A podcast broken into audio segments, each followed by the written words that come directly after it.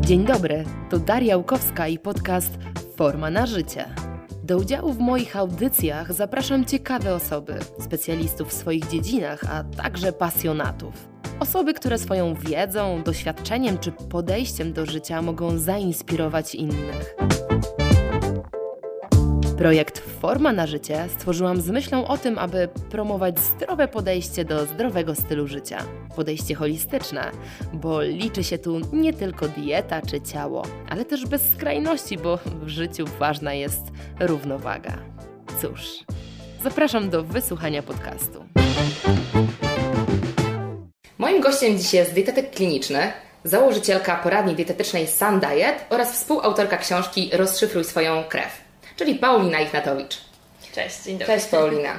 Powiedz mi od razu, e, skąd pomysł na książkę? Bo w zasadzie nie jest to książka taka typowo dietetyczna, e, tak. w zasadzie bardziej dotycząca analizy krwi niż diety. E, I dlaczego akurat taką książkę chciałaś napisać? Mhm.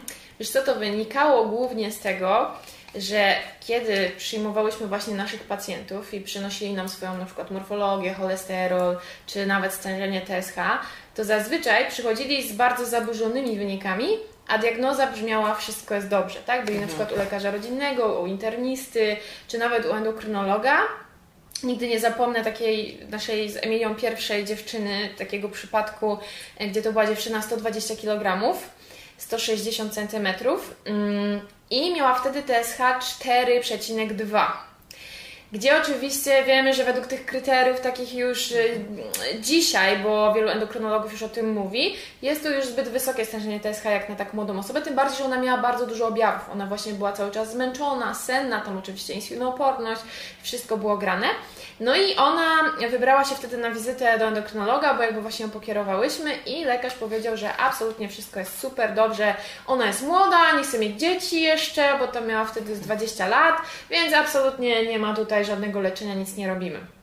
No i nami to na tyle wstrząsnęło, że oczywiście jakby zaczęłyśmy dyskutować o tym, co my możemy zrobić, więc odesłałyśmy te dziewczyny do innego endokrynologa, takiego bardziej z polecenia od nas, który już rzeczywiście włączył wtedy, pamiętam, małą dawkę leczenia letroksem, bo my wcześniej jakby próbowałyśmy też zmienić u niej styl życia, ale to była osoba, która też potrzebowała kontaktu z psychologiem, więc to jakby wszystko się wydłużało w czasie, ona bardzo cierpiała. No i wtedy właśnie myślę, że już wtedy zrodził się w nas taki pomysł, że trzeba będzie kiedyś coś z tym zrobić. Na zasadzie, że kurczę, szkoda nam tych ludzi, szkoda nam ludzi, którzy nie mają możliwości kontaktu z dietetykiem, nie stać ich na to może z jednej strony, a może z drugiej strony po prostu nie chcą się do niego wybrać i że chcemy stworzyć coś, co będzie taką małą cząsteczką kompendium, kompendium jakiegoś tam wiedzy dla nich z jednej strony, a z drugiej strony będą mogli już ze swoją morfologią, TSH i tak dalej sami przysiąść, zobaczyć, ok, może jak mam takie TSH, to wy, wystarczy to, a może jednak wymaga to dalszej konsultacji i jakiejś tam wizyty. Mhm. Więc głównie to wynikało z tego problemu, że bardzo wiele osób do nas trafiało z naszym zdaniem niewłaściwą diagnozą, ale od razu podkreślę, że my nie jesteśmy lekarzami, jesteśmy dietetykami, dlatego też nie chcemy za bardzo wchodzić w te kompetencje oczywiście, choć z drugiej strony problemem jest to, że lekarze dzisiaj mają za mało czasu dla pacjenta i to nie jest nawet ich wina. Tak. To jest wina całego systemu. Mhm. Niestety tak A nie dostałyście takich zarzutów właśnie, że y, dlaczego zajęłyście się takim tematem, skoro, no wiesz jak jest teraz, musisz mieć papier na coś, żeby coś robić, nawet jeżeli masz tak. dużą wiedzę, nie? Tak. Tutaj ja się, tak. mam problem generalnie z tym tematem, bo czasem jest tak, że faktycznie potrzebny jest papier, ale czasem znam ludzi, którzy na przykład są świetnymi dietetykami, ale nie kończyli dietetyki, tylko, mhm. nie wiem, oczywiście, biotechnologię na przykład, sporo jest takich osób y, i my nawet z takimi osobami bardzo współpracowałyśmy, więc mm. ja, też, ja też mam problem z tym, że inni mają z tym problem, bo dla mnie to nie jest problem. I oczywiście na początku miałyśmy o to zarzuty. Pamiętam, że w ogóle poszedł taki duży hejt pewnego razu y, i też doczepili się do książki, doczepili się do tego, że dlaczego tego diagnosta laboratoryjny nie pisał, bo w ogóle nie ma znaczenia to, że dwóch diagnostów to naprawdę bardzo sprawdzało po nas. Trzy, cztery poprawki były tym e, to była jedna pani doktor diagnostyki laboratoryjnej Edyta e, i była jeszcze druga pani doktor diagnostyki laboratoryjnej, która doktorat robiła u profesora e, najlepszego, jeżeli chodzi o diagnostykę mhm. laboratoryjną w Polsce. Więc ta książka już była od każdej strony sprawdzona i tak dalej. I oczywiście znalazły się jakieś drobne błędy, wiadomo. Też przyznajemy się do tego, że w pierwszym wydaniu napisałyśmy trochę o wyczerpaniu nadnerczy Ale nawet tam my jakby to ujęłyśmy z tej strony, że nie tyle, że jest taka jednostka chorobowa, co po prostu, że dzisiaj jest problem z nadmiernym stresem i rzeczywiście warto te nadnercze obserwować, badać i być może jakieś dorzucić adaptogeny. To było tyle. Natomiast oczywiście padł zarzut, że piszemy o wyczerpanych nadnerczach, nie ma takiej jednostki chorobowej itd., tak itd. Tak Nasze tłumaczenia już na nic się wtedy zdały, więc były zarzuty o to. Mm, też e, to, ze dwa lata temu miałyśmy występ w Dzień Dobry TVN z tą książką i potem w ogóle poszła ogromna fala hejtu, przede wszystkim od diagnostów laboratoryjnych, mhm. jak się można domyślić.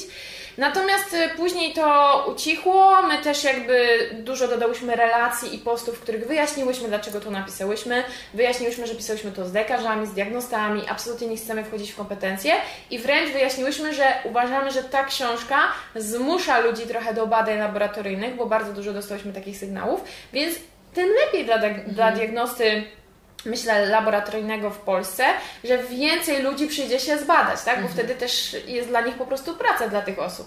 Dlatego gdzieś tam podczas tych konwersacji w sumie oni trochę jakby to zrozumieli, wydaje mi się, i my też jakby cały czas jasno mówiłyśmy, że absolutnie wiemy, że macie tutaj najlepsze kompetencje, oddajemy do Was pacjentów, nie mamy z tym problemu, więc myślę, że tu wymagało to trochę rozmowy.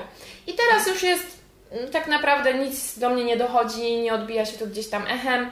E, opinie są raczej pozytywne, zazwyczaj bardzo dużo fajnych komentarzy dostajemy, więc. Mhm. Czyli to jest w zasadzie taka bardziej forma dla zapoznania się z y, ludzi na jakiś taki pierwszy rzut, nie? Żeby, tak. y, jeżeli chcą w ogóle się dowiedzieć, czego się mogą dowiedzieć z badań, Dokładnie. to mogą zajrzeć do Waszej książki. Dokładnie. A powiedz mi, y, jak uważasz, czy dietetyk powinien mhm. zawsze wychodzić od badań krwi albo e, wywiad połączyć zawsze z badaniami krwi, mhm. zanim zaczyna współpracować z podopiecznym?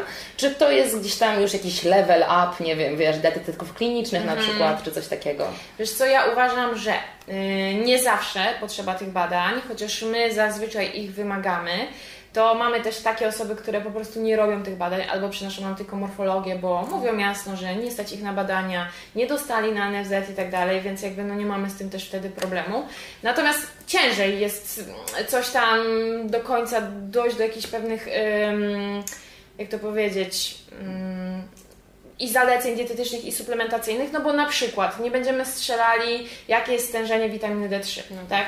Nie będziemy strzelali, czy ta pani, pan ma dobre stężenie ferytyny. Mimo, że morfologia nawet i może nie za dużo pokaże, mm. to może się okazać, że to zmęczenie, o którym dana osoba mówi, wynika chociażby z tego, tak? I jest jeszcze wtedy wiele punktów zapytania, ale ja myślę, że tak naprawdę to nie jest jakiś level high i tym nie powinni się zajmować tylko dietetycy kliniczni, ale tak mm. naprawdę podstawowe badania powinien wymagać nawet i trener moim zdaniem, tak? Mhm. I oczywiście mhm. ważne jest to, żeby on nie zrobił też człowiekowi krzywdy poprzez jakąś tam, nie wiem, złą analizę, czy nawet wiesz, że wskaże, że o, tu się może coś dziać, y, szybko trzeba do lekarza, może się okazać, że wszystko jest ok, a taka osoba już będzie miała ogromny wyrzut kortyzolu i w związku z tym jakieś negatywne myśli, więc bardzo mhm. trzeba uważać z takimi rzeczami, ale jakieś podstawowe wyniki i nas tylko spojrzeć, tak, i powiedzieć, no jest całkiem ok, ale proponuję jeszcze dla pewności do lekarza, albo wydaje mi się, że coś tutaj może nie być ok, ale ja nie jestem lekarzem, nie chcę tutaj nic sugerować, proszę, zapraszam do lekarza. I wtedy mhm. mamy taką pewność,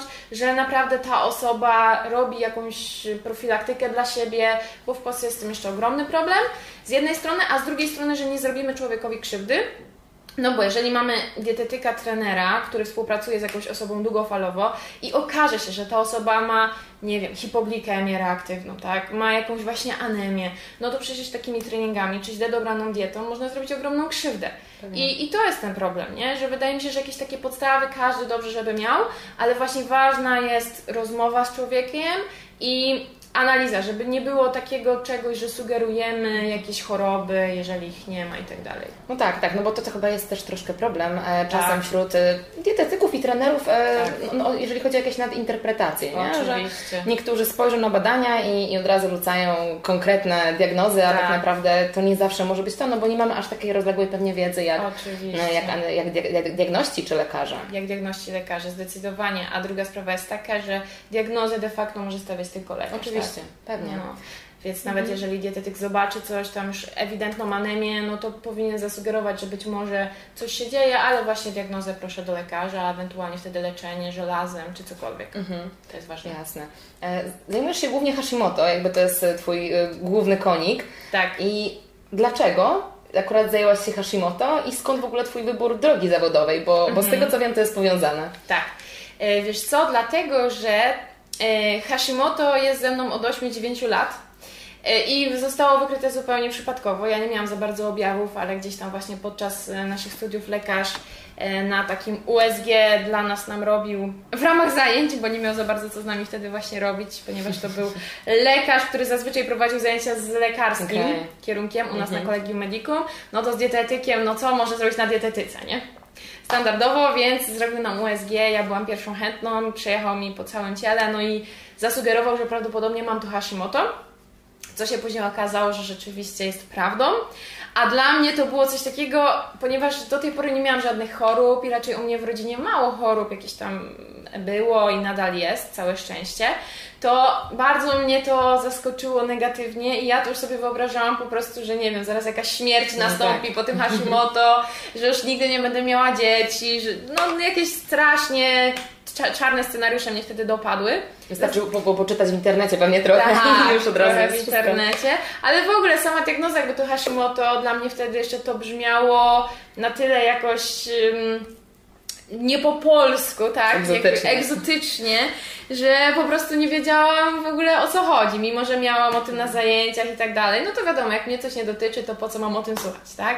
No i wtedy, jak um, padła ta diagnoza Hashimoto i właśnie zaczęłam w ogóle szukać jakichś źródeł informacji na ten temat, to w internecie jest to też standard, ale e, sama się o tym przekonałam, że oczywiście są sprzeczne bardzo teorie, tak? Wtedy czytałam na przykład, że jak masz podniesione stężenie ATPO, to na 100% masz Hashimoto, a na drugim forum jakaś laska pisała, nie, nie, nie, jak właśnie masz ujemne ATPO, to masz Hashimoto, tak?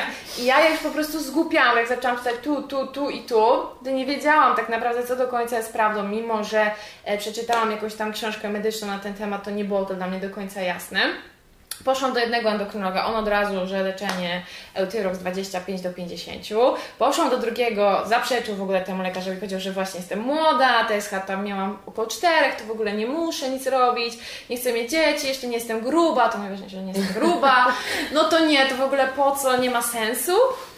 Yy, I właśnie w toku tych wszystkich działań, jakby dowiedziałam się, że w sumie wiedza na ten temat w Polsce leży i dopóki sama nie zdobędę tej wiedzy, to zapomnij o tym, że kiedykolwiek będę jakby mogła się z tą chorobą uporać. No i wtedy zaczęłam bardzo dużo czytać, siedzieć i właśnie trafiłam na zagranicznych naukowców, na lekarzy, też te nazwiska, które często dzisiaj w naszej branży są gdzieś tam e, cytowane, tak? Chociażby jeżeli chodzi o podcasty, bo robią też mhm. dzisiaj i tak dalej.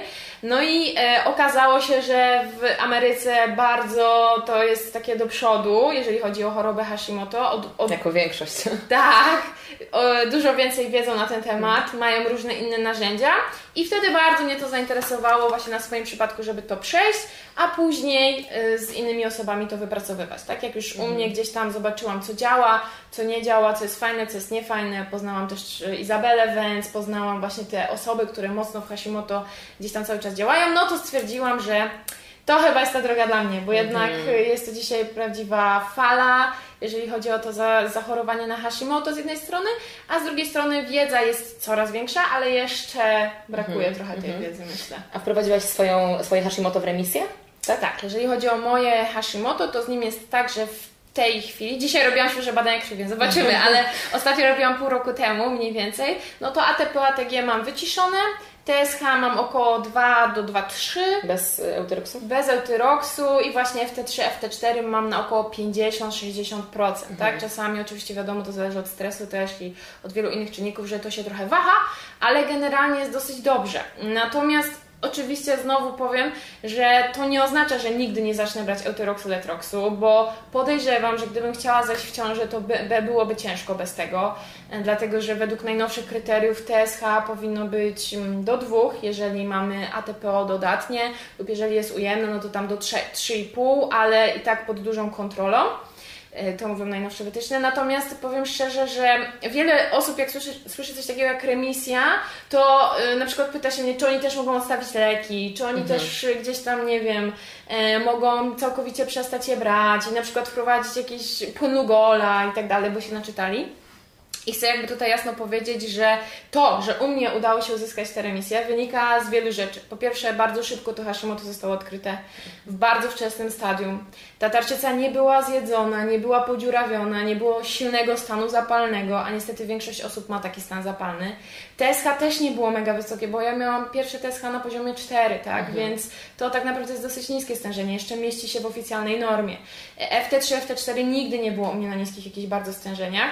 No i przede wszystkim nie miałam jakichś dramatycznych objawów a jeżeli już dana osoba boryka się z tymi rzeczami, które wymieniłam, no to niestety zazwyczaj nie da się odstawić leków, tak? To też trzeba sobie jasno mhm. powiedzieć, że szczególnie jak tarczyca jest mała, e, zajęta silnym stanem zapalnym. Ja nie mówię, bo zdarza się raz na tysiąc, że taka osoba jest w stanie całkowicie odstawić leki i znam też takie przypadki, ale ogólnie Tutaj to mhm. trzeba jakby zrozumieć, tak? Że nie można się porównywać i nie można się kierować tym, że mhm. pani X, pani Y jest zdrowa i nie bierze, mhm. bo to zależy od bardzo wielu rzeczy. Choć chyba czasem się zdarza, że na przykład ludzie po prostu mogą zmniejszyć dawkę też, Oczywiście, zmniejszyć dawkę mhm. bardzo często. A powiedz mi, bo właśnie y, ostatnio, no, jak rozmawiałam z kobietami, to zazwyczaj co druga mówi, że ma Hashimoto, niedoczynność tak. tarczycy. Tak. Mm, I zastanawiam się, na ile to jest kwestia tego, że umiemy lepiej to diagnozować, mamy większą wiedzę, a na ile to jest jakaś taka plaga, że jest coraz więcej czynników środowiskowych, które to powodują, e, jemy coraz gorzej -hmm. i tak mhm. dalej. Wiesz co, według tego, co ja jakby na temat choroby Hashimoto czytam i według tego, co naukowcy, badacze i tak dalej cały czas podają, wydaje się, że diagnosty lepsza diagnostyka ma tu wpływ, ale niewielki, to jest mhm. raczej kilka procent, a jednak ogromne znaczenie ma ten styl życia, czynniki środowiskowe i właśnie przede wszystkim wpływ na te geny, które odpalają się pod, pod wpływem i stresu, mhm. i złych nawyków żywieniowych, i niedospania, e, i tak dalej, i tak dalej. I rzeczywiście bardzo dużą uwagę w kontekście choroby Hashimoto zwraca się na stres, że jednak ten stres, obciążenie właśnie nadnerczy, to w ogóle są mhm. E, takie różne artykuły, że właśnie masz przeciążone nadnercza, tak, czy jakieś tam przemęczone, na pewno masz chorobę Hashimoto. I e, to z jednej strony jest śmieszne, ale z drugiej strony połączenie nadnercza, czyli stres, tarczyca mhm. jest ogromnie ważne. Więc e, przede wszystkim to jest styl życia. Mhm. Tylko, że stres, nie? To jakby tak za czasem mówimy, tylko jak się nie stresować. Tak. E, o jaki stres chodzi? Bo to tak. chyba nie chodzi tylko taki stres, że boję się, bo mam tak. nie wiem, wystąpienie jakieś publiczne, tak. czy ważną rozmowę. Tak. Według mnie to jest wszystko to, co się diametralnie zmienił się nasz styl życia przez ostatnie 50-100 lat. E, I to jest wszystko, tak? To, że światło niebieskie właśnie wieczorem mm. gdzieś tam odpalamy telefon, komputer, oglądamy do późnych godzin, że nieprawidłowo śpimy, czyli właśnie nie regenerujemy się, bo znowu bardzo długo oglądamy telewizor, albo na przykład mm, nieprawidłowo mamy to pomieszczenie z, z, zaadoptowane do snu. Mm. E, kiedyś też było inaczej, no bo jednak ludzie. Mm, jeszcze dawniej, dawniej oczywiście nie mieli światła, mieli jakieś tam e, świece i tak dalej, ale już nawet jak światło weszło, no to jednak nie każdego było stać na to, żeby mieć telewizor w domu, tak, e, swego mhm. czasu, już nie mówiąc o komputerach i telefonach, które są nowością w naszym życiu, więc to wszystko miało ogromny wpływ na sen i ludzie dawniej szli na pole, byli zmęczeni, przychodzili, mhm. jedli i oni tak naprawdę się myli i szli spać, tak, i tam było ciemne jakieś pomieszczenie, spało się czasami w czwórkę, w, piątku, w piątkę na jednym pokoju, ale rzeczywiście ten pokój był był, tam nie było elektroniki, tam nie było światła jakiegoś, wszystko było zaciemnione, przewietrzone i przede wszystkim oni prawie cały dzień spędzali na świeżym powietrzu, tak? Mhm. Czyli dla mnie ten stres wiąże się z tym, że my całkowicie zmieniliśmy właśnie styl życia. Mhm. Głównie że organizm się nie zdążył do tego zaadaptować. Jak tak, to, zdecydowanie. Ja mhm. uważam, y, gdzieś tam jak sama też się z tymi osobami spotykam, że to jest głównie to, tak? Mhm, I że, zobacz, przede wszystkim chorują kobiety, co też jakby tutaj naukowcy wiążą prawdopodobnie z estrogenem, że jednak kobiety mają tego estrogenu więcej, ale druga strona medalu jest taka, że kobiety dawniej, no chcąc nie chcąc, miały trochę inne zadania, tak? One gdzieś tam zajmowały się domem, dziećmi, Oczywiście pomagały często też e, na jakimś tam polu, czy mm, jeżeli chodzi o uprawę roślin na wsi i, i tak dalej, ale jednak one miały trochę inne zadania, inne obowiązki i wydaje mi się, że nie były też tak przeciążone A dzisiaj od kobiety, same one od siebie tak naprawdę wymagają bardzo wiele, tak? Mhm. Czyli i dzieci, i praca, i dom, i mhm. jeszcze zarabianie pieniędzy, często niemałych, żeby się utrzymać w Warszawie, w Poznaniu czy w Krakowie. I do tego dochodzi czynnik małej ilości snu. No i to wszystko wydaje mi się, wtedy się zamyka w takie koło, które powoduje właśnie to, te ogromne problemy z chorobami. Tak, tak myślę, że to też jest e, ten przykład, e, dlaczego kobiety mają problemy z zaburzeniami miesiączkowania coraz częściej, tak. no już nie mówię o zajściu w ciążę. Tak. Bo jak kobieta ma silny stres właśnie z, związany z tym, co powiedziałaś, tak. no to organizm ma ostatniej rzeczy, o której myśli, to w funkcjach reprodukcyjnych, prawda? Płodność, Więc... oczywiście, że tak. Mm, a powiedz mi, widziałam ostatnio taką fajną grafikę chyba u e, doktor Microbion na tym profilu. Mhm. E, tak, u Oscara. Że na górze była góra lodowa wystająca, to była ta niedoczynność tarczycy, a na tak. dole taka wielka odporność tak. e, pod wodą jak jakby. Tak. I możesz się do tego ustosunkować? Tak, to też jest prawda. Właśnie Oskar bardzo często fajnie na ten temat mówi. Ja się z nim w 100% zgadzam, jeżeli chodzi o ten temat. Dlatego, że on e, właśnie cały czas jakby mówi o tym, że i niedoczynność tarczycy, a szczególnie choroba Hashimoto, tak naprawdę nie jest chorobą tarczycy, tylko jest chorobą układu odpornościowego immunologicznego. I rzeczywiście to już wiemy, że e, to jest przede wszystkim dysfunkcja układu odpornościowego, no bo z jakiej okazji nasz organizm sam ma zjadać naszą tarczycę zobaczycie. A jednak w jakimś mechanizmie mhm. się to dzieje, tak? I teraz jeżeli chodzi o ten mechanizm i tak dalej, oczywiście u każdego jest inna przyczyna tego mechanizmu, też inne geny są w to zaangażowane, natomiast no jest ten stan zapalny, jest przeciążenie układu odpornościowego, często na tle jakiegoś zakażenia bakteryjnego, głównie, mhm. ale też wirusowego, co powoduje, że nasz układ odpornościowy wpada po prostu w takie turbulencje i to powoduje, że szybciej e, właśnie no, zjada własne tkanki tak szybciej. Mhm. No bo właściwie choroba Hashimoto to jeszcze dawniej, tak jak w ogóle ją odkryto, e, była uważana za chorobę osób starszych. I to rzeczywiście jest normalne, że jeżeli się starzejemy, to układ odpornościowy nie jest tak młody, tak, tak silny mm. i, i, tak dobrze funkcjonujący jak u młodej osoby, więc logiczne, że i mamy wyższe stężenie przeciwciał ANA i wyższe stężenie ATPO, ATG mm. i wiele, wielu innych przeciwciał. Jest to zupełnie normalne, już wtedy się tego nie leczy, tylko po prostu tak jest. A dziś właśnie, zobacz, to co kiedyś u 70-latka było jakby standardem, u 20-latki jest standardem. I to jest mhm. przerażające, że ten układ odpornościowy dziś już u, tak jak ja, tak odkryłam to Hashimoto mając 20 lat, to jak, jaki, to był, jaki to musiał być ogromny wcześniej i stres, i styl mhm. życia tak. przeciążeniowy dla mojego organizmu, że układ odpornościowy aż tak zareagował. Tak? Mhm. I oczywiście ja wiem, że miałam stan zapalny zęba, tak? że miałam mhm. ogromny stres właśnie związany też z odrzuceniem przez środowisko i, i brakiem akceptacji siebie i tak dalej.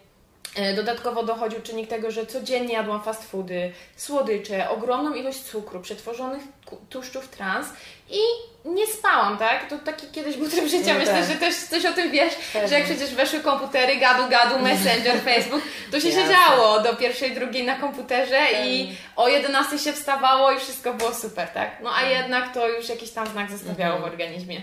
Jasne. Jeżeli chodzi o układ odpornościowy, choroby autoimmunologiczne, w tym Hashimoto, tak. e, mam wrażenie, że właśnie ludzie gdzieś tam, którzy nie są w naszej branży, którzy no, po prostu dostali diagnozę od lekarza, mam Hashimoto. Mhm. E, poczytają w internecie, ok, mam Hashimoto, to teraz mogę być rozdrażniona, mogę być taka, mogę tyć, tak dalej, tak dalej. E, widziałam jakiś taki artykuł a propos tego. Mhm. E, pokaż swojemu mężowi, chłopakowi taki mm -hmm. artykuł, czego ma się teraz spodziewać, bo ty masz mhm. Hashimoto, nie? Mm -hmm. Oczywiście to jest przyjęcie postawy biernej, to teraz ja mam mhm. Hashimoto. Mm -hmm. Ja mam wrażenie, że tak trochę strasz, jakby, no wiadomo, to jest forma straszenia trochę mhm. e, z mediów, mm, natomiast też trochę niezrozumienie, bo kiedy my jesteśmy w stanie w jakiś sposób odciążyć układ odpornościowy, to przecież bardzo ciężko, bardzo często e, może wejść w remisję ta choroba autoimmunologiczna, ta, ale każda inna tak naprawdę. Tak. W mniejszym, większym stopniu, no bo tak. nie zawsze dotrzemy do źródła. Tak. Mm, natomiast właśnie, jakie, jakie to są czynniki, które my możemy wyeliminować? To jest zawsze od razu taka diagnoza, że okej, okay, to teraz ja mam Hashimoto i koniec i teraz musicie mnie tolerować, bo ja będę mhm. teraz I leżeć nieznośna. na laurach, tak, i właśnie być nieznośną. E, wiesz co, tak, e, bardzo dobrze, że o tym mówisz, bo to oczywiście jest prawda. I właśnie ta remisja to też może być taka sytuacja, w której dana osoba bierze jakąś dawkę leku, letroksu, tyroksu, nowotyralu czy czegokolwiek, ale czuje się bardzo dobrze, tak? Mhm. Czyli ta choroba nie postępuje, nie musi tej dawki zwiększać, e, ta tarczyca jakby stoi w miejscu, jeżeli chodzi o obraz USG, albo nawet się po, poprawia, e, ale przeciwciała na przykład spadają, albo są już wyciszone i po prostu normalnie funkcjonujemy. Mhm. Ja myślę, że to jest remisja i tak też dobrze to rozumieć. E, I to, co my możemy zrobić, no to przede wszystkim proste rzeczy, jeżeli chodzi o nasz styl życia, bo też często my szukamy nie wiadomo czego, jakiegoś złotego grala, po prostu, że musimy się wspiąć na jakąś wysoką górę, żeby e, swój układ odpornościowy e, wyciszyć i zregenerować, a to są proste rzeczy, czyli właśnie jelita, tak, tak jak tutaj właśnie Oskar też często o, to, o tym mówi, czyli probiotyki, odbudowanie flory bakteryjnej. Mhm. No właśnie chciałam zapytać, Ty, żebyś rozwinęła jelita, jak... Tak, flora bakteryjna głównie, no ja uważam osobiście po tylu latach pracy z y, chorobą Hashimoto i mm, tych prac naukowych, których się naczytałam, też w toku chociażby doktoratu, że probiotyki 99% osób z autoimmunologią powinny mhm. zażywać, tak? A jakieś konkretne?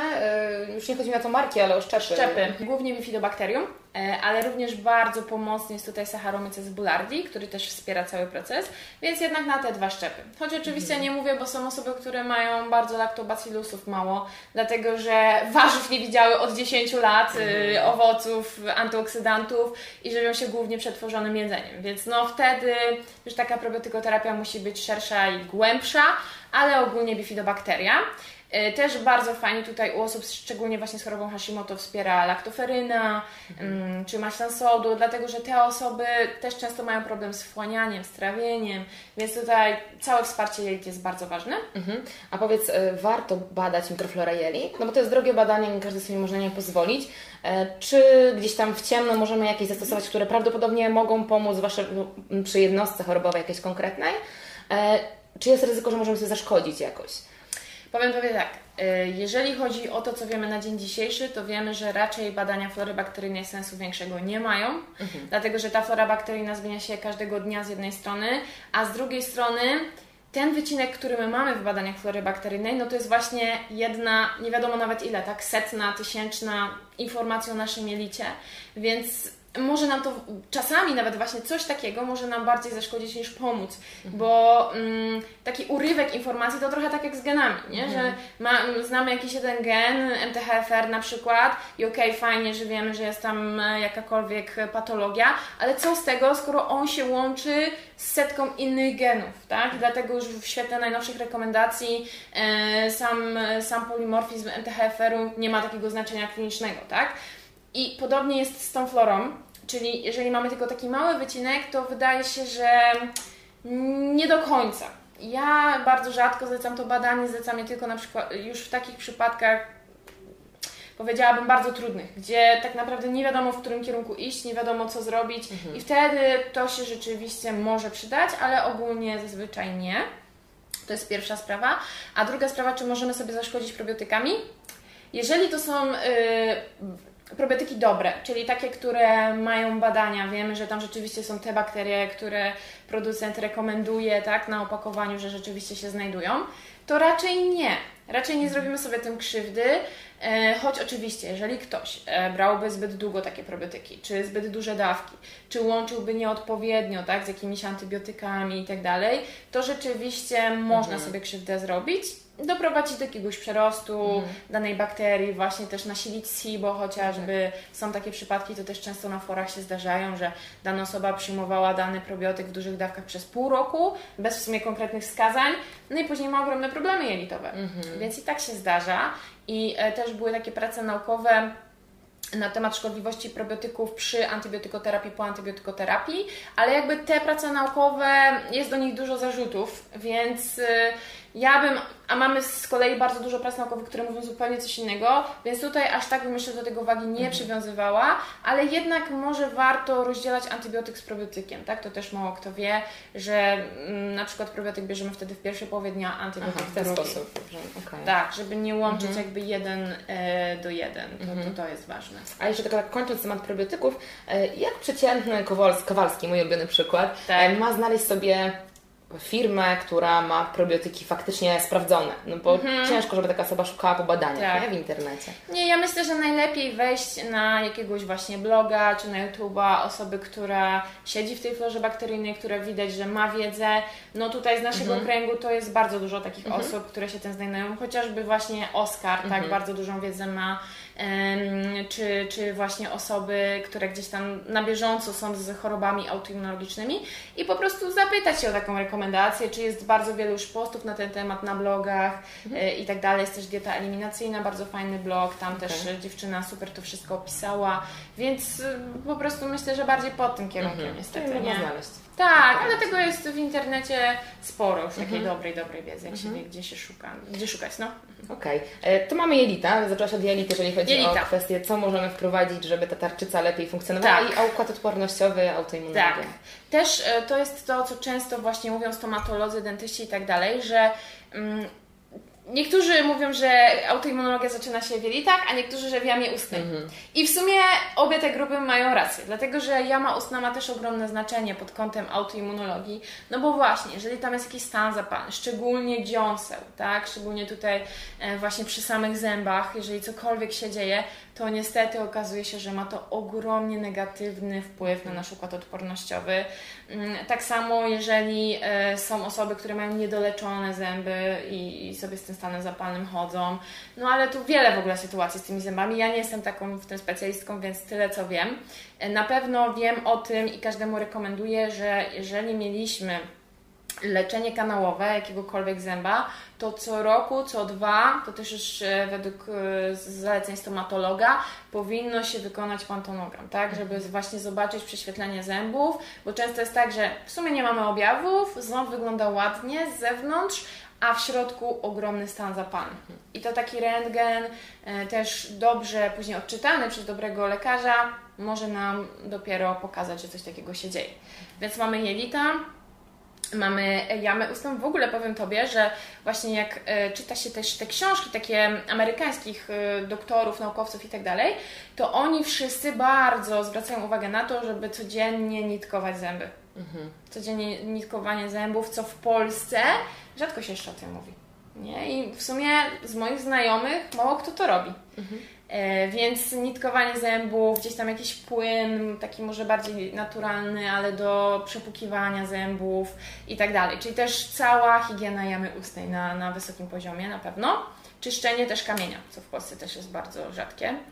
E, I są osoby, które mają po prostu już kamień do połowy zębów, nie? A to co 3-6 miesięcy powinniśmy tak naprawdę no tak. usuwać.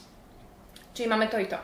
E, kolejny taki czynnik no to sen, bardzo, bardzo ogromnie ważny. Cykl dobowy generalnie. Nie? Tak, no. tak. Ty tutaj też miałaś sporo gości, którzy się na ten temat wypowiadali, Trochę nie? tak, ale no to wiadomo, od różnej strony, natomiast no, ten cykl dobowy ma na wszystko wpływ, kurczę, no, czy jeżeli chodzi o zdrowie, prawda? Tak.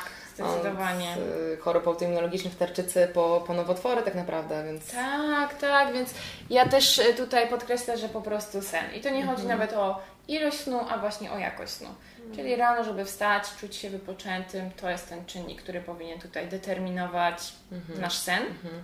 No tak, to też jest war... trzeba tu wspomnieć, że to w jakich godzinach idziemy spać ma ogromne znaczenie, tak. bo czasem ludzie mówią, o śpię 8 godzin i idę o drugiej, wstaję o 10. Tak. Jakby zupełnie inna kwestia. Nie? Tak, tak, tak. To właśnie często ym, też jest tak, pewnie kojarzysz takie sytuacje, jak się wraca po weselu czy imprezie, o 3, 4 się kładzie i śpisz do 12, 13, tak. 14, cała niedziela wolna, ale nigdy to nie jest taka regeneracja już abstrahując od alkoholu, tak. używek i tańca całą noc, ale jednak mhm. ciężko, nie? To nie jest to samo. I to właśnie jest świetny przykład na to, jak ogromny ma tutaj wpływ to, o której pójdziemy spać. Więc y, na pewno zadbanie właśnie o rytm dobowy. No i kolejna sprawa z tym stresem, tak jak wspomniałaś, nie da się raczej nie stresować, chociaż są różne charaktery też, mhm. ale y, bardziej chodzi o to, żeby z tym stresem sobie radzić. Czyli właśnie, tak, medytacja, mhm. yoga, mm, ale wiesz, to też często osoby zarzucają, że a dlaczego nie modlitwa? To może być modlitwa, to może być kontakt z Bogiem, z Kościołem. Tutaj naprawdę jest szeroki wachlarz możliwości. E, to Ci wtrącę, tylko tak. E, kiedyś słyszałam o takich badaniach, że y, sprawdzali mózg jakby ludzi modlących się i że bardzo podobne procesy zachodzą, kiedy ktoś wchodzi w taki trans modlitwy, nie wiem, czy to dobrze nazywam trans modlitwy, ale no wiesz, że to chodzi, że cały czas powtarzają jakieś tam koronki, litanie, tak. nie, nie znam się na tym, ale, ale coś takiego jest. Tak. Bardzo podobne procesy zachodzą właśnie jak do medytacji, tak. nie? To jest właśnie, no, niech każdy znajdzie swoją drogę, e, ale, ale może być wiele dróg pewnie do, do celu. Tak, tutaj. tak. Czy sport właśnie tak. E, dla wielu mężczyzn na przykład sport to jest no, nieodzowny element radzenia sobie ze stresem i to jest wspaniałe, no bo i dbamy o formę, tak, i o zdrowie, i o stres. Więc y, na pewno właśnie jakaś forma relaksu dla nas. I ja też tutaj mówię często o tym, że znowu szczególnie kobiety, dlatego że one mają zazwyczaj więcej zadań w ciągu dnia, ale oczywiście, drodzy mężczyźni, jeżeli macie dużo zadań, to tak samo, codziennie 5-10 minut dla siebie, tak? Czyli totalnie wejść w coś, co właśnie powoduje taki trans, mm -hmm, o którym mm -hmm. wspomniałaś i zapominamy o całym świecie. Dla niektórych to jest znowu gotowanie, śpiewanie. Tak, że głowa się wyłącza, nie? Głowa, tak. Mm -hmm to to jest, to to jest bardzo ważne. E, czyli mamy ten czynnik, no i poza tymi czynnikami mamy dietę i generalnie niedobory, tak? Czyli tutaj mm, właśnie prace, które ja na przykład analizowałam, pokazują, że u osób z chorobami Hashimoto z chorobą Hashimoto mamy przede wszystkim obniżone stężenie witaminy D3, selenu, cynku, również magnezu, bardzo często wapnia, ale wapnia generalnie się raczej nie suplementuje, tylko bardziej z naturalnych źródeł powinniśmy sobie to dostarczać. Mm, I kwasu omega-3, tak? I to jest jakby takie główne mhm. zaplecze suplementów, czy też składników, o których szczególnie powinniśmy zadbać w naszej diecie. I też wiele prac naukowych mówi o tym, że jednak suplementacja jest niezbędna. Że nie damy rady z diety akurat tych. Nie mhm. damy rady. Nie damy rady często dlatego, że te niedobory są duże, bardzo długo trwały. To jedna strona medalu znowu, a druga jest taka, że właśnie to wchłanianie i trawienie. Mhm. Tak, bo mhm. w Hashimoto przy niedoczynności też jest ten problem, że brakuje nam gastryny, w związku z tym brakuje nam kwasu solnego i żołądek nie do końca sobie radzi, później te jelita są trochę takie przeciążone, jeszcze ta flora bakteryjna dochodzi, więc rzeczywiście ta suplementacja, tutaj też prace naukowe pokazują, że suplementacja po prostu wtedy działa, daje efekt mhm. obniżenia przeciwciał, obniżenia stężenia TSH, podniesienia w T3, w T4, no i zmieniają się objawy osób, tak? Więc ym, to jest bardzo ważne.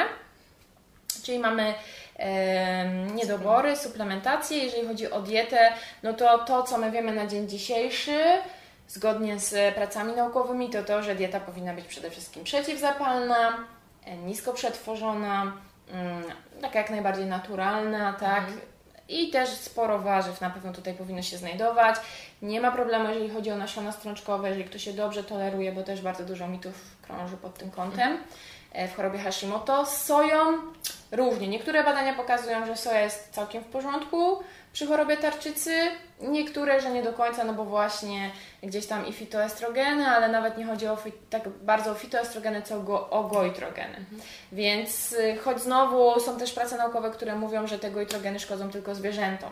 Więc mhm. to wszystko jest jeszcze takie bardzo różnie w różnych pracach naukowych opisywane, ale generalnie ja mówię, żeby raczej soję trochę ograniczyć, ewentualnie w mniejszych ilościach, ale strączki w porządku.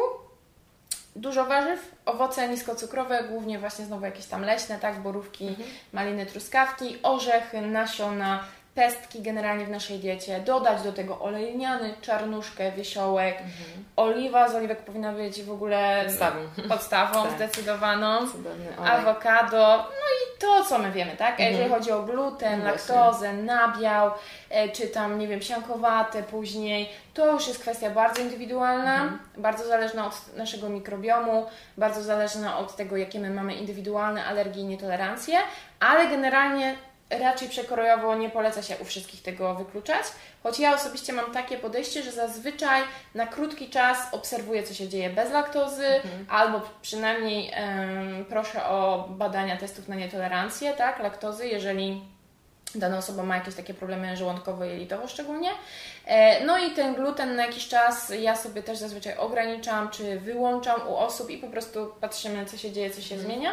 No bo jeżeli, jak wiemy też Testy na nietolerancje pokarmowe są dość kontrowersyjne, nie wiemy do końca, czy są rzetelne i tak dalej, więc w sumie najlepszą metodą pozostaje próba prowokacji, mhm. obserwacji. Mimo, -hmm. że mhm. też do niej jest trochę zarzutów, oczywiście e, zdaję sobie sprawę, że niektórzy mogą mieć z tym problem, ale jednak wydaje mi się w świetle znowu całej mojej wiedzy, że to jest jedna z najlepszych metod. Mhm. Czyli, czyli jeżeli chodzi o gluten i nabiał, to nie powiemy, że, że raczej wyłączyć. Że raczej A... wyłączyć, raczej mhm. obserwować. Obserwować. Kiedyś e, moja znajoma, pamiętam, że wyłączyła, jakby miała bardzo tak. wysoki poziom przeciwciał, wyłączyła tylko gluten, ale jakby mhm. nie dbała jakoś super o jakość tej diety, no ona była w miarę dobra. Mhm. E, I wyłączyła tylko gluten i pamiętam, że jej naprawdę tam z kilka tysięcy tych przeciwciał miała e, ATPO naprawdę jej spadły znacząco, nie? więc mm. i to był jedyny czynnik, który ona zmieniła. Mm. Natomiast wiadomo, że to jest tylko anegdotka, aczkolwiek to mnie zastanowiło wtedy, tak. bo, bo ona jakby nie była jakaś taka zafiksowana na diecie, po prostu nie jadła glutenu, nie piła mm. piwa i tak dalej, żadnych takich, wiadomo, że sam alkohol też już w mm. autoimmunologii to jest nawet bezglutenowe nie jest wskazane, tak. prawda? Znaczy, widzisz, to jest, e, to jest coś, co często obserwujemy. Mhm. Właśnie u osób z chorobą Hashimoto, u osób z niedoczynnością, że wyłączenie glutenu powoduje dużo korzystnych aspektów, tak? Mhm. I, e, I to, że spadają przeciwciała, i to, że spada TSH, i to, że osoby lepiej się czują, ale cały czas to są właśnie sytuacje anegdotyczne i dlatego mnie też bardzo ten temat zainteresował do tego stopnia, że chciałam zobaczyć właśnie, jak wyłączymy gluten, nabiał u osób z chorobą Hashimoto, czy one zareagują pozytywnie i moje badania trwały, to takie badania wiadomo, tak w warunkach jakie mamy, czyli y, nie mogę tych osób zamknąć no i tak. dawać diety, bo to są jakieś tam mhm. horrendalne pieniądze, mm, ale y, one dostały zalecenia, konkretną dietę, rozpiskę, przez trzy miesiące się jej trzymały, byliśmy w stałym kontakcie na grupie i tak dalej. Mhm. I po tych trzech miesiącach mm, ja badałam akurat 20 osób, na tyle uzyskałam fundusze. I wstępnie e, 5 osób z tych 20 miało ogromną poprawę, nawet dwie całkowicie mogły odstawić leki. Natomiast u reszty 15 absolutnie nic się nie zmieniło. Mm, lepiej się gdzieś tam może i poczuły, miały spadek wagi, ale jeżeli chodzi o biochemiczne badania, nic, tak? mhm. tak? Czyli i o TSH, FT3, FT4, ja badałam ATP, ATG i USG tarczycy. E, czyli też tutaj obrazowe badania i tak naprawdę w świetle tego, co ja zrobiłam, tego małego doświadczenia, znowu nie można wyciągać wniosku, mhm. jakoby dieta bezglutenowa, bez nabiału tak. miała im pomagać. Z drugiej strony, wiesz, zostają pytania, a być może to trwało za krótko, a może oszukiwali jednak, a tak, może tak. E, coś tam jedli, co ten gluten miało. I cały czas ja myślę, mhm. że tak naprawdę przez najbliższych 5-10 lat w końcu dowiemy się tak naprawdę, jak to jest, bo jest ogromnie dużo takich głosów, a wciąż tych prac naukowych brakuje. Mhm. No I nie wiadomo do końca, czy to jest placebo, czy to jest nocebo, czy o co tu chodzi. No tak. To jest ciężkie. Jak w całej branży dietetycznej tak naprawdę. Tak, tak. I, I, też chciałam do tego tematu przejść, e, bo myślę, że już e, zakończyłyśmy temat niedoczynności tarczycy. Nie wiem, może chciałabyś jeszcze coś dopowiedzieć. Nie, myślę, że dużo powiedziałyśmy. Ale wyczerpałyśmy temat. E, powiedz mi, bo kurczę, no mam problem z tym, że jest taki duży rozstrzał, wiesz, w branży dietetycznej naszej różnych kłótni, co tak. jest lepsze, co gorsze. Ja mam wrażenie, że jakby postawić dwie, trzy osoby, które mają trochę inne zdania i dołożyć do tego ich kontekst, to te osoby by się dogadały idealnie. Oczywiście. Tam wszyscy by się dogadali. Tylko jest, jedni mówią, że trzeba to, drudzy, że trzeba tak. to. Tak naprawdę oni patrzą przez swoje doświadczenia, przez doświadczenie podopiecznych, przez jakiś tam swój e, pryzmat, kontekst inny. Mhm. E, a ludzi, przeciętny, przeciętny człowiek, który to wszystko obserwuje, Mówi, co ja mam, kurczę, codziennie tak. inny specjalista w, nie wiem, Dzień Dobry TVN czy Śniadaniówce tak. innej, e, codziennie w gazecie inny specjalista pisze, każdy mówi co innego, to mhm. jeść tamto. Co możemy zrobić, żeby to gdzieś, gdzieś tam uspokoić i dogadać się? Albo może nie możemy. wiesz co, powiem Ci, że szczerze nie wiem, y, czy możemy się dogadać, bo niektóre osoby, jak wiesz, y, bo też się spotkałaś z wieloma różnymi sytuacjami, są takimi osobami, które jakby robią pewne rzeczy specjalnie, po to, żeby właśnie wokół siebie wywołać kontrowersje, po to, żeby mieć zasięgi z jednej strony, a z drugiej strony pewnie gdzieś tam niektóre swoje jakieś przez to problemy, tak, niedoskonałości, no w taki sposób tuszują, bo tak to trzeba sobie powiedzieć jasno, mhm. że tak jest. Bo jeżeli dana osoba czuje się dowartościowana, czuje się ze sobą dobrze i zna jakby ilość osób, którym pomogła i którym nadal pomaga, to ona nie musi niczego udowadniać w internecie, mhm. ona nie musi się kłócić, ona nie musi wywoływać batalii. Mam podobne, podobne zdanie, jeżeli tak. chodzi o tę kwestię właśnie tego takiego, że chyba coś prywatnie muszę się wywyższyć, żeby coś udowodnić, nie? Bo jakby można dyskutować, y, ja niejednokrotnie dyskutowałam z ludźmi, którzy mieli niby inne zdanie, ale okazywało się, że myślimy podobnie, ja, tylko nie, tak. gdzieś tam o, o, coś innego nam troszkę chodziło, tak. albo coś innego czytaliśmy, okazuje się, że się wzajemnie możemy od siebie coś tam nauczyć, tak. zmienić czasem zdanie. No ale właśnie, no tutaj... Zdecydowanie, więc ja jakby uważam, że to ewidentnie wynika z tego. I są w naszej branży dietetycy, którzy na przykład ode mnie mają w wielu kwestiach inne zdanie, ale zawsze rozmowa z taką osobą jest na wysokim poziomie, z dużym szacunkiem, z dużym respektem właśnie ogólnie, mhm. tak? I jakby pewnie też dlatego, że właśnie ten dietetyk spotkał może 100 pacjentów z taką przypadłością i pomogło im to, a ja spotkałam 100 pacjentów z taką przypadłością i dała mi troszeczkę coś innego i tak jak mówisz, mhm. finalnie to w sumie wychodzi bardzo podobnie. Jest kilka dróg, nie? Do różnych tak, do ale jest kilka, jest kilka dróg i jakby mhm. my poszliśmy trochę inną drogą i jakby nie widzę też w tym problemu, więc ja też już dorosłam do tego, żeby w takie batalie nie wchodzić, żeby się nie kłócić, bo tak jak mówisz, jeżeli dany Kowalski zmieni te podstawowe czynniki i on nawet zacznie jeść codziennie soję, ale to już nie mhm. będzie burger, hamburger i tak dalej i też mimo, że prace naukowe w sumie pokazują, że ta soja wcale nie jest taka zła, to jednak gdzieś tam ja na przykład soi nie polecam zazwyczaj swoim mhm. pacjentom z różnych względów mhm. i ja jakby nie, nie mam z tym problemu, tak? Że dana osoba zaczyna zdrowie jeść, wyłączać przetworzone jedzenie i czuje się ze sobą dobrze. Super, niech ona na tym zostanie. I po co się o to kłócić, tak? Kto ma rację? Tu nikt nie ma racji, bo każdy właśnie jest inny, każdy ma zupełnie inny zestaw i genów, e, i nawet flory bakteryjnej, i też przede wszystkim. Doświadczenie też, nie? Tak, tak doświadczenia i czynnika psychicznego, bo też każdy inaczej podchodzi do pacjenta. Jeden ma więcej empatii, drugi ma mniej. Mhm. Jeden jest taki bardziej, że tu i teraz, tak, zrób to, drugi znowu tam gdzieś te zalecenia rozkłada w czasie, nie ma problemu. Mhm. Naprawdę nie ma problemu. Więc ja szczerze też nie rozumiem tych kłótni, batalii. I pamiętam, że e, z 5-6 lat temu jeszcze miałam takie coś, że lubiłam się też trochę gdzieś. Ja nie wywoływałam zazwyczaj tych kłótni, ale po prostu jak mi się coś nie spodobało, to to skomentowałam i później pół dnia siedziałam i patrzyłam tylko na powiadomienia, czy już odpisał, nie? Mhm. Czy ta osoba już gdzieś tam coś odpisała. I właściwie później doszłam do takiego wniosku, kurde Paulina, ale po co? Szkoda Twojego czasu, szkoda Twojej energii. W tym momencie Ty byś mogła już porozmawiać z jakimiś dwoma osobami i nawet właśnie polecając mhm. im oliwę zamiast jakiegoś tam e, smażon, wiesz, e, wysoce smażonego oleju słonecznikowego już byś pomogła tej osobie, więc po co, tak? No szkoda tak. energii, szkoda czasu, a te osoby, jeżeli mają taki charakter, to zawsze będą sobie znajdowały nowe ofiary mhm. i po prostu wchodziły w jakieś tam kłótnie. Więc ja uważam podobnie jak Ty, że mhm. to do niczego nie prowadzi. I jeżeli chodzi o rzeczową, fajną rozmowę na konferencjach czy na mhm. E, Facebooku, gdzie się wymieniamy argumentami konkretnie, ładnie, logicznie, to jest fajne, bo wtedy można się dużo nauczyć, wymienić doświadczeniami. No właśnie, też ciężko e, ocenić e, czyjeś zalecenia, nie znając przeszłości danego pacjenta, nie? Bo czasem może być tak, że to są bardzo dziwne zalecenia, ale biorąc tak. pod uwagę cały wywiad, przeszłość, być może badania, to są najlepsze dla niego zalecenia Oczywiście. teraz, tylko że my widzimy tylko wyrywek. E, Oczywiście. Więc e, dlatego ja mam problem generalnie z tym, że no jednak pracujemy głównie online teraz, jeżeli chodzi o, o, o dietę. Nawet jeżeli nie pracujesz online, no to wysyłasz online mm -hmm. zalecenia, prawda? Mm -hmm. A są podopieczni, którzy na przykład lubią wrzucić jeszcze na forum, podpytać, co Wy o tym myślicie i tak dalej. E, i to jest właśnie, mam z tym problem, no bo ciężko odłączyć jakby, żeby ktoś się nie porównywał. Tak. Mm, ja się staram nie, nie obserwować tych fur, że tak powiem, ale, ale osoby, które są zainteresowane, no jednak obserwują, nie? Tak. I tutaj jest czasem, a dlaczego ja mam tak, jak ci mówią na forum, że jest tak, e, przeczytałam w artykule jeszcze, że jest inaczej tak. i dlaczego ja mam tak. Tak. No to jest, to jest coś nie do rozwiązania. Ja wtedy takiemu pacjentowi zazwyczaj mówię, że no to jakby jeżeli woli Pan ufać komuś z fora, to ja zapraszam do tej osoby mhm. i my możemy zakończyć współpracę na tym etapie, tak? Bo jeżeli nie ma Pan, Pani do mnie pełnego zaufania, oczywiście wiadomo, że można coś sprawdzić, podpytać, nawet o opinię o mnie, ja nie mam z tym problemu, mhm. ale jeżeli już do czegoś doszliśmy, razem do tych zaleceń gdzieś tam sobie na rozmowie e, doszliśmy, wypracowaliśmy je wspólnie i Pan, Pani się na to zgodziła, zgodził, no to dlaczego to jeszcze pytać, tak? I podważać jakby mój autorytet. Dajmy sobie czas, dajmy sobie pierwsze efekty, cele. Mhm. Jeżeli wtedy się nie uda, okej, okay, tak? To ja się przyznam do błędu, oficjalnie przeproszę. Też nie mam z tym tak. problemu.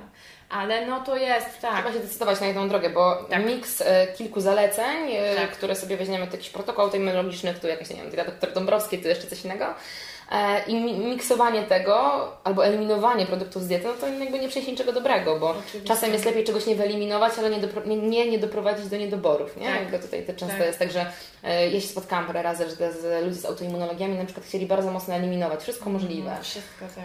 I to jest właśnie też błędna droga często, mm-hmm. nie? bo znowu niedobory, niedożywienie i te osoby często jedzą po tysiąc kalorii. Tak. No bo, bo co one mają jeść? Mm-hmm. Więc to jest, to jest też ogromny problem, zdecydowanie.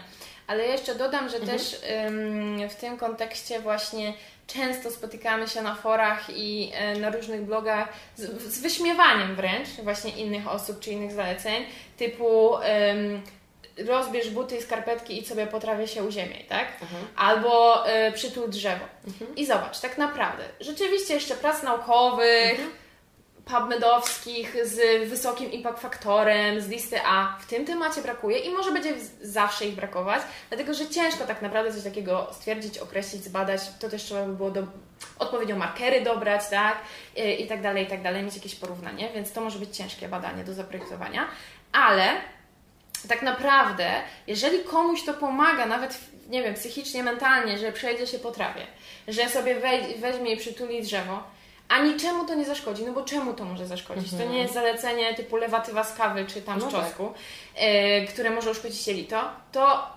jaki my mamy z tym problem, tak? I, I po co takie coś wyśmiewać? Ja nie mhm. mówię o wyśmiewaniu właśnie jakichś tam wlewów z kurkuminy, czy z czegoś, co naprawdę może człowieka zabić realnie. i mu zaszkodzić, mhm. realnie, ale nie na zasadzie, że on sobie pójdzie tak gołymi stopami po plaży czy po trawie, mhm. no bo y, nawet jeżeli to temu człowiekowi E, jakoś super realnie też e, nie pomoże, jeżeli chodzi o jakieś tam wyznaczniki fizyczne, biochemiczne i tak dalej, to on się czuje fajnie, tak? Nawet placebo podziała, nie zaszkodzi mu. Why not? A to jest coś, co jednak no, ludzie gdzieś tam przez lata robili. Jednak my tymi mhm. gołymi stopami głównie po tej ziemi chodziliśmy. I znowu, może coś w tym być. To, no, że jeszcze coś nie jest udowodnione, to nie znaczy, że nie istnieje. I, i mhm. bardzo często jest taki właśnie problem wśród rycerzy PubMed, że oni opierają się na pracach, które istnieją i jakby nie biorą innych możliwości pod uwagę, a tak naprawdę te możliwości nadal są i pewnie za kilka lat zostaną udowodnione, mm. tak jak z wieloma rzeczami już było, chociażby z probiotykami, z których kiedyś bardzo się śmiano, z tym, że jelita łączą się z mózgiem, z czego się śmiano.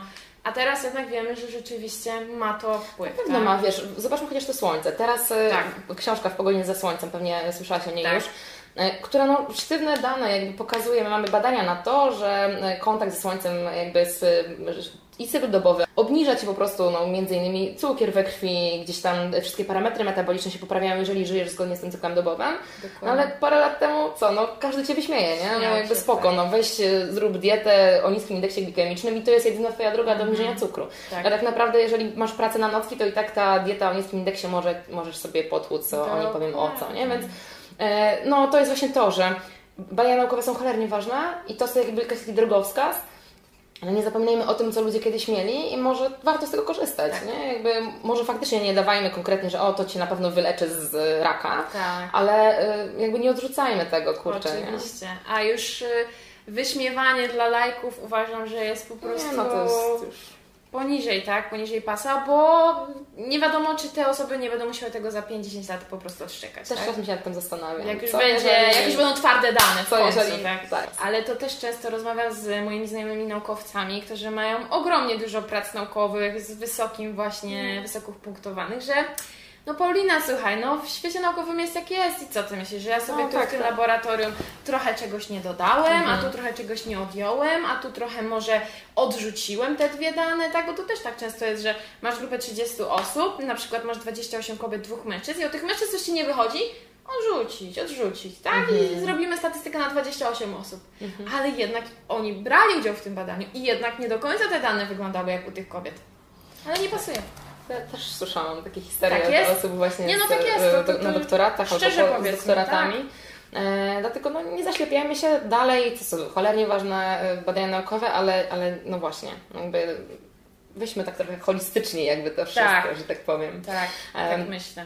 Powiedz, e, Pamiętam Ciebie jeszcze w zasadzie, jak się poznawałyśmy, e, albo jeszcze wcześniej, może jak się nawet kiedyś oglądałam, e, mieliście doświadczenie razem z Emilią, którą współpracujesz, Emilią Ptak.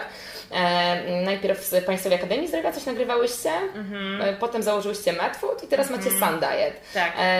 Opowiedz trochę o tej Twojej drodze zawodowej, bo to jest ciekawe. Okej, okay, tak, to jest to jest ciekawe i trudne z jednej strony. E, wiesz co, to jest trochę tak, że ja myślę, że każda osoba, która wchodzi w jakiś taki świat właśnie i no chce jakby szybko trochę zabłysnąć i zacząć i zarabiać i gdzieś udowodnić właśnie coś komuś, to łapie się równych możliwości, tak? Czyli właśnie różnych współprac, mhm. też różnych kontaktów i tak dalej, i tak dalej. No i my mamy My mamy bardzo różną przeszłość. E, od właśnie i Jerzy Zięba się pojawił, i się pojawiła Polska Akademia Zdrowia, mm, i się pojawiły też osoby, które jakby totalnie promują bardzo już niemedyczne mm, rzeczy nienaukowe. Ale to jest do wygooglowania, do znalezienia i to jest jakby, wiesz, coś, co prawie każdy o nas wie, więc y, nie ma z tym problemu. Y, aż po taką drogę, gdzie w końcu właśnie zdecydowałam się na doktorat i chciałam sama to, z tą nauką być na co dzień i zobaczyć, jak wyglądają badania, tak?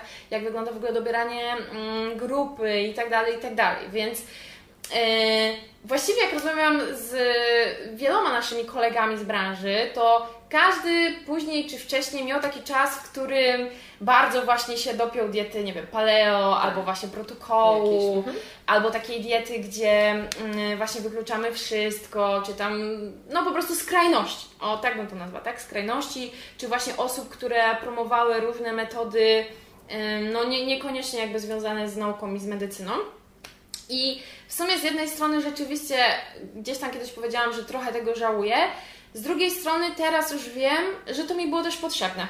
Że to mi było też potrzebne, żeby poznać takie osoby, poznać ich punkt widzenia e, i występować z różnymi osobami, tak, rozmawiać, po to, żeby utwierdzić się w przekonaniu, że jednak nie jestem taką osobą, która mogłaby promować właśnie wlewy z kurkuminy, czy wlewy z DMSO, czy jakieś tam, e, wiesz, oczyszczanie mhm. codziennie jelit lewatywą z kawy. Ja wiem, że pewnie znajdą się osoby, które coś takiego robiły i napiszą, że czuły się potem super, ale ogólnie w świetle nauki i w świetle tego, co my wiemy na dzień dzisiejszy, są to rzeczy, które naprawdę mogą więcej zaszkodzić mhm. niż pomóc w wielu przypadkach, nie mówię, że w każdym. Mhm. I absolutnie nie jestem osobą, która mogłaby takie rzeczy promować. Ale z drugiej strony też nie jestem taką osobą, która zamyka się totalnie na wszystko i patrzy tylko na PubMed, tak? To też nigdy taką osobą nie byłam i myślę, że nigdy taką osobą nie będę. Dlatego, że wiem, że tak jak właśnie już y, tutaj, jak rozmawiałyśmy, z tym słońcem chociażby, tak, że właśnie podejście holistyczne i połączenie tych wszystkich elementów jest ogromnie ważne i nie da się mhm. tego o tym zapomnieć, nie da się tego jakby zamknąć tego tematu i powiedzieć, że wszystko jest dobrze, jak ja Ci dam właśnie dietę przeciwzapalną z indeksem, ale Ty nadal, nie wiem, nie będziesz spał, nie będziesz pił wody, e, czy nawet nie będziesz czyścił zęb, zębów tą nitką, tak, tak jak już wiemy, że ma to ogromny wpływ, mhm. więc mm, jednak no jest te, te, doświadczenia były z jednej strony trudne, bo jakby bardzo boleśnie nam je wypomniano, przypomniano mhm. i naprawdę był to czas, w którym chciałam całkowicie odejść z tej branży i, i no strasznie to przeżyłyśmy rzeczywiście.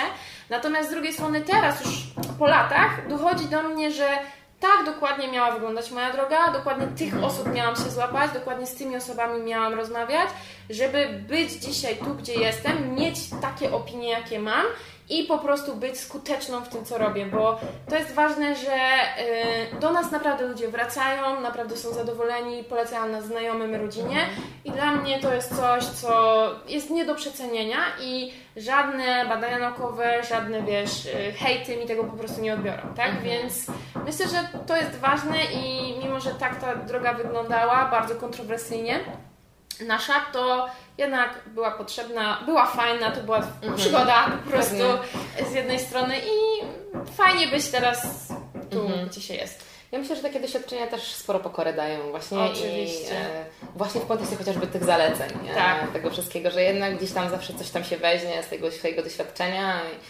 no, Zdecydowanie, nie?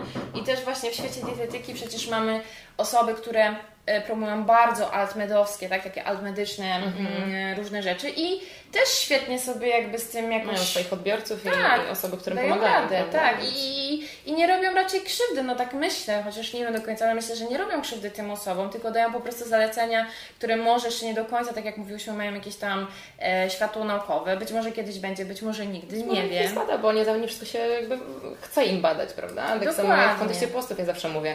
E, czy mamy kilkudniowe sprawdzone posty? No nie ma takich badań solidnych, ale czy komuś to się chce badać? No mało komu. Po co, tak i no. za jakie pieniądze Więc nie ma badań, bo nie ma, bo, bo wyszły źle, czy nie ma badań, bo ich nie ma po prostu, bo nikt tego nie zrobiła, a jakiś anegdot jest masa, kilkadziesiąt, tak. no to coś one znaczą, to są anegdoty, ale jakich jest tyle, no to że posty pomagają. Może tak. coś tam no, znaczą, no, ale, ale oczywiście. oczywiście wiadomo, że też tak też nie dla wszystkich i tak dalej, ale, ale no jednak nie można przejść obojętnie koło takiej dużej ilości e, dowodów anegdotycznych, moim zdaniem. Tak, zdecydowanie, więc właśnie e, ja też takie rzeczy, które mają bardzo dużo dowodów anegdotycznych, jak chociażby ta dieta bezglutenowa, bez mhm. laktozy e, u osób z chorobą Hashimoto, ja to biorę sobie naprawdę często do serca i po prostu sprawdzam tak, ażeby nie zaszkodzić oczywiście, ale też no być może pomóc, tak? Mhm. Więc jeżeli to są takie metody, to ja nie mam do nich problemu, ale wiesz, jak już teraz no pan, o którym też rozmawiamy, naprawdę promuje bardzo szkodliwe rzeczy. Aha. E, na zasadzie, że wiesz, jakieś tam wlewy z wody utlenione no i tak, tak dalej. No to wiadomo, że to są już rzeczy, które Duża naprawdę tak, dużą mhm. ingerencję dają mi właśnie jak rozmawiam z naukowcami, którzy pracują z tym DMSO czy z wodą utlenioną na żywych komórkach, no to jakby widzą, co się dzieje pod tym mhm. wpływem, no tak, tak, i jak to tak. może bardzo zaszkodzić, więc znowu, może ja nie wiem wszystkiego i nie wiadomo, ale moim zdaniem już są, są to szeroko takie mm, rzeczy szkodliwe i dlatego nie chcę być już dzisiaj kojarzona z takimi osobami. I też jakby jasno, i może pod tym kątem czegoś tam żałuję, tak? Ale jakby samej tej drogi, tego wszystkiego absolutnie nie i ja uważam, że wszystko, co nas spotkało w życiu jest potrzebne, mhm. dokładnie tak miało być, tak wyglądać i tak dalej i buduje nasze doświadczenie. I naszą przede wszystkim osobowość, tak? I, I charakter. I to, że z Emilią też zbudowałyśmy markę Medfood, mm, do której całe swoje serce wlałyśmy naprawdę mhm. i e, też sporo osób z nami tam pracowało, miałyśmy cały zespół dietetyków i tak dalej. I musiałyśmy to jakby oddać, sprzedać i zapomnieć, no jest ciężkim, tak? Ciężkim przeżyciem i bardzo to też znowu przeżyłyśmy, ale z drugiej strony dzisiaj jestem za to wdzięczna, bo bardzo dużo to nam pokazało, dało nam ogromnie dużo doświadczenia i dietetycznego, i zawodowego, i przede wszystkim z ludźmi, więc tak, tylko się cieszyć, tak? Mhm. I po prostu brać to tak jak jest, wiesz, to nie jest tragedia na zasadzie, że umieram jutro, więc damy radę. I myślę, że tak trzeba do tego podchodzić. Tak samo do choroby Hashimoto, tak samo do, tak, do każdej takiej ciężkiej sytuacji, żeby po prostu przejść przez tę sytuację mhm. i być wdzięcznym za to, że żyjemy, że mamy się dobrze, albo że możemy się czuć dobrze, bo zawsze mhm. można do tego dążyć. Tak, no ta wdzięczność jest cholernie ważna, nie?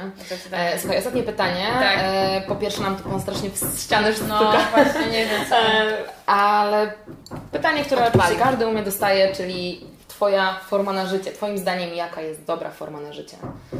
Forma na życie właśnie moim zdaniem w zgodzie ze sobą, w odkrywaniu swoich mocnych i słabych cech, co bardzo mało osób jeszcze robi, czyli chociażby testy osobowości, odkrywanie swojego koloru osobowości i właśnie życie w zgodzie z tym, tak? Czyli żeby na siłę się nie porównywać, nie zmieniać, bo dzisiaj, nie wiem, media kreują obraz idealnej kobiety, która ma biznes, trójkę dzieci, ćwiczy, wszystko ona po prostu robi, czy też Instagram często to kreuje.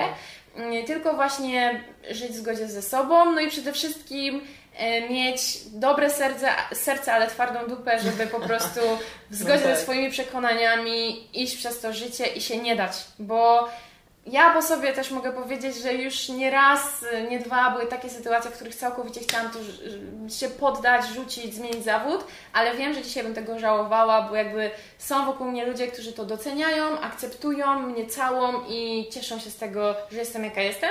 I właśnie to jest forma mhm. życie. Iść samemu w zgodzie cały czas do, siebie, do przodu, nie poddawać się. Cudowna puenta. Dzięki wielkie za rozmowę. Dziękuję Ci bardzo, że mnie zaprosiłaś i dziękuję, że wysłuchaliście tego wywiadu. Tak, wszystkie linki do Ciebie podam oczywiście w opisie do Twoich mediów społecznościowych, gdzie zresztą przekazujesz dużo, dużo wartościowej wiedzy, między innymi na temat tarczycy, ale, ale Staram się. tak, dziękuję Ci bardzo jeszcze Dziękuję. Dziękuję, że znalazłeś czas na wysłuchanie tego podcastu. Myślę, że z pewnością znasz kogoś, komu informacje tu zawarte mogą się przydać. Możesz podesłać mu link do tego nagrania. A jeśli zechcesz udostępnić ten podcast na swoich mediach społecznościowych, tym bardziej będzie mi miło, a projekt Forma na Życie będzie rozwijał się szybciej. Z góry dzięki! Jeśli chcesz obejrzeć ten podcast wraz z nagraniem wideo, wpadnij na mój kanał na YouTube. Znajdziesz mnie tam pod nazwą Daria Łukowska Forma na Życie. Zapraszam Cię też na moje media społecznościowe, czyli na Instagram i Facebooka, gdzie dzielę się moimi przemyśleniami z życia codziennego. Ja nazywam się Daria Łukowska, a to był podcast Forma na Życie. Do usłyszenia!